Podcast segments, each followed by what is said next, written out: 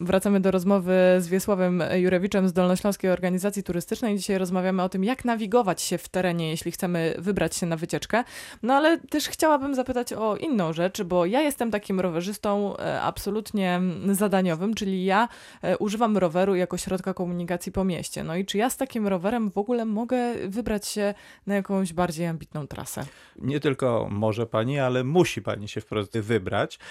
Oczywiście Czuję się zachęcona. tak. E, oczywiście zmienia się troszeczkę ta zadaniowość, no bo ta zadaniowość mówi według badań holenderskich, że jeżeli jeździ pani po mieście, to jest pani skłonna nadrobić maksimum 20% względem najkrótszej e, trasy, która prowadzi panią z punktu A do B, czyli pojedzie pani nawet ruchliwą i nieciekawą drogą, jeżeli ona będzie dużo krótsza niż obok na przykład jakby jechała pani Odrą, natomiast jazda w terenie, tym się już później różni jazda, jak się wyjedzie poza tą jazdą zadaniową, że jedziemy tam, gdzie jest przyjemniej.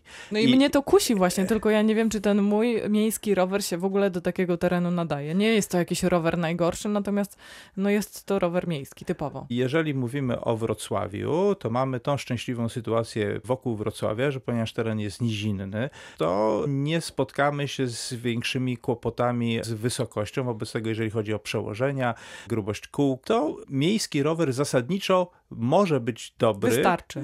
Wystarczy, ja bym tak powiedział, bo on nie jest dobry głównie ze względu na złą pozycję, zbyt wysoką, która generuje opór do jazdy. Też taki rower jest gorzej manewrowy od roweru, który ma prawidłowo ustawiony jakby względem barków, względem obrotu oś kierownicy.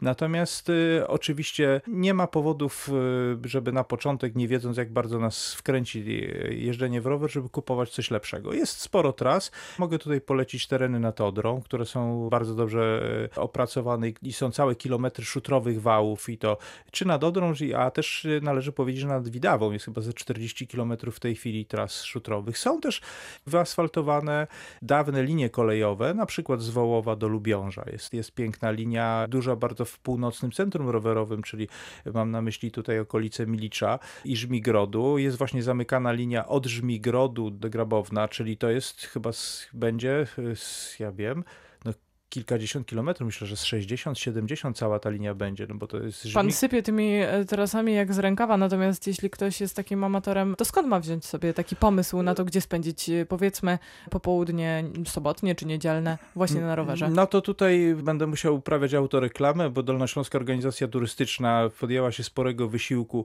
i stworzyliśmy bardzo dokładne kompendium e, dotyczące Dolnego Śląska, ale oczywiście też okolic Wrocławia, gdzie wystarczy otworzyć e, rowerem info i sobie kliknąć na daną kolorową linię. Te linie są prawdziwymi te trasami, które istnieją w terenie i można sobie poczytać, wybrać różne, znane są tam długości, są opisane dokładnie podłoża, piszemy na jaki rower jest. Jeżeli piszemy, że na każdy rower, to oznacza praktycznie każdy rower poza rowerami szosowymi, takimi maszynami wyścigowymi, które są na e, powiedzmy 15 mm oponach, no to one do jazdy w terenie nie będą się nadawały. Natomiast rower miejski ze swojej istoty posiada tam dostatecznie grubą oponę, żeby poruszać się wszędzie. No i rozważmy, czy ta aplikacja Google Maps aby na pewno będzie najlepsza, bo być może warto sięgnąć po coś bardziej sprawdzonego. Google Maps nie są idealnym narzędziem dla rowerzystów, tych wszystkich, którzy nie jeżdżą po oficjalnych drogach y, przeznaczonych pod ruch samochodowy. Google Maps jest wspaniałym narzędziem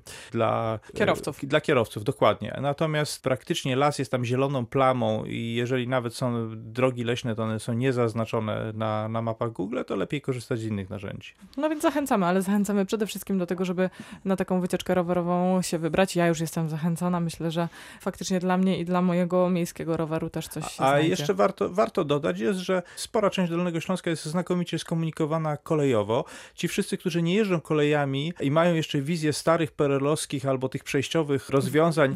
Wagonów wagonów, wagonów i tak dalej, to mogą się czuć przerażeni wizją jechania w pociągu, ale... I to jeszcze z rowerem. Tak, i to jeszcze w rowerem. Natomiast trzeba powiedzieć, że obecne koleje to, to jest rzeczywiście XXI wiek i jest miła obsługa, jest czyściutko, są miejsca rowerowe. Oczywiście trzeba mieć świadomość, że czasami jest ciężko wsiąść do pociągu i dlatego jakby wygodniej jest rano zaplanować sobie jazdę z punktu A, gdzie mieszkamy, do punktu B i jednak wracać na rowerze. No powiedzmy, że powroty tak, żeby wsiąść do pociągu i wrócić z pociągu pociągiem. Proponowałbym tym wszystkim, którzy już się troszeczkę rozeznają, co, gdzie i gdzie można wsiąść, bo nie zawsze można wsiąść, na przykład do pociągu z Szklarskiej Poręby naprawdę ciężko wsiąść, ale rano można pojechać sobie spokojnie do kątów wrocławskich albo do Mietkowa i z Mietkowa spokojnie wrócić do Wrocławia. Wystarczy nam wtedy dojazd w jednym kierunku.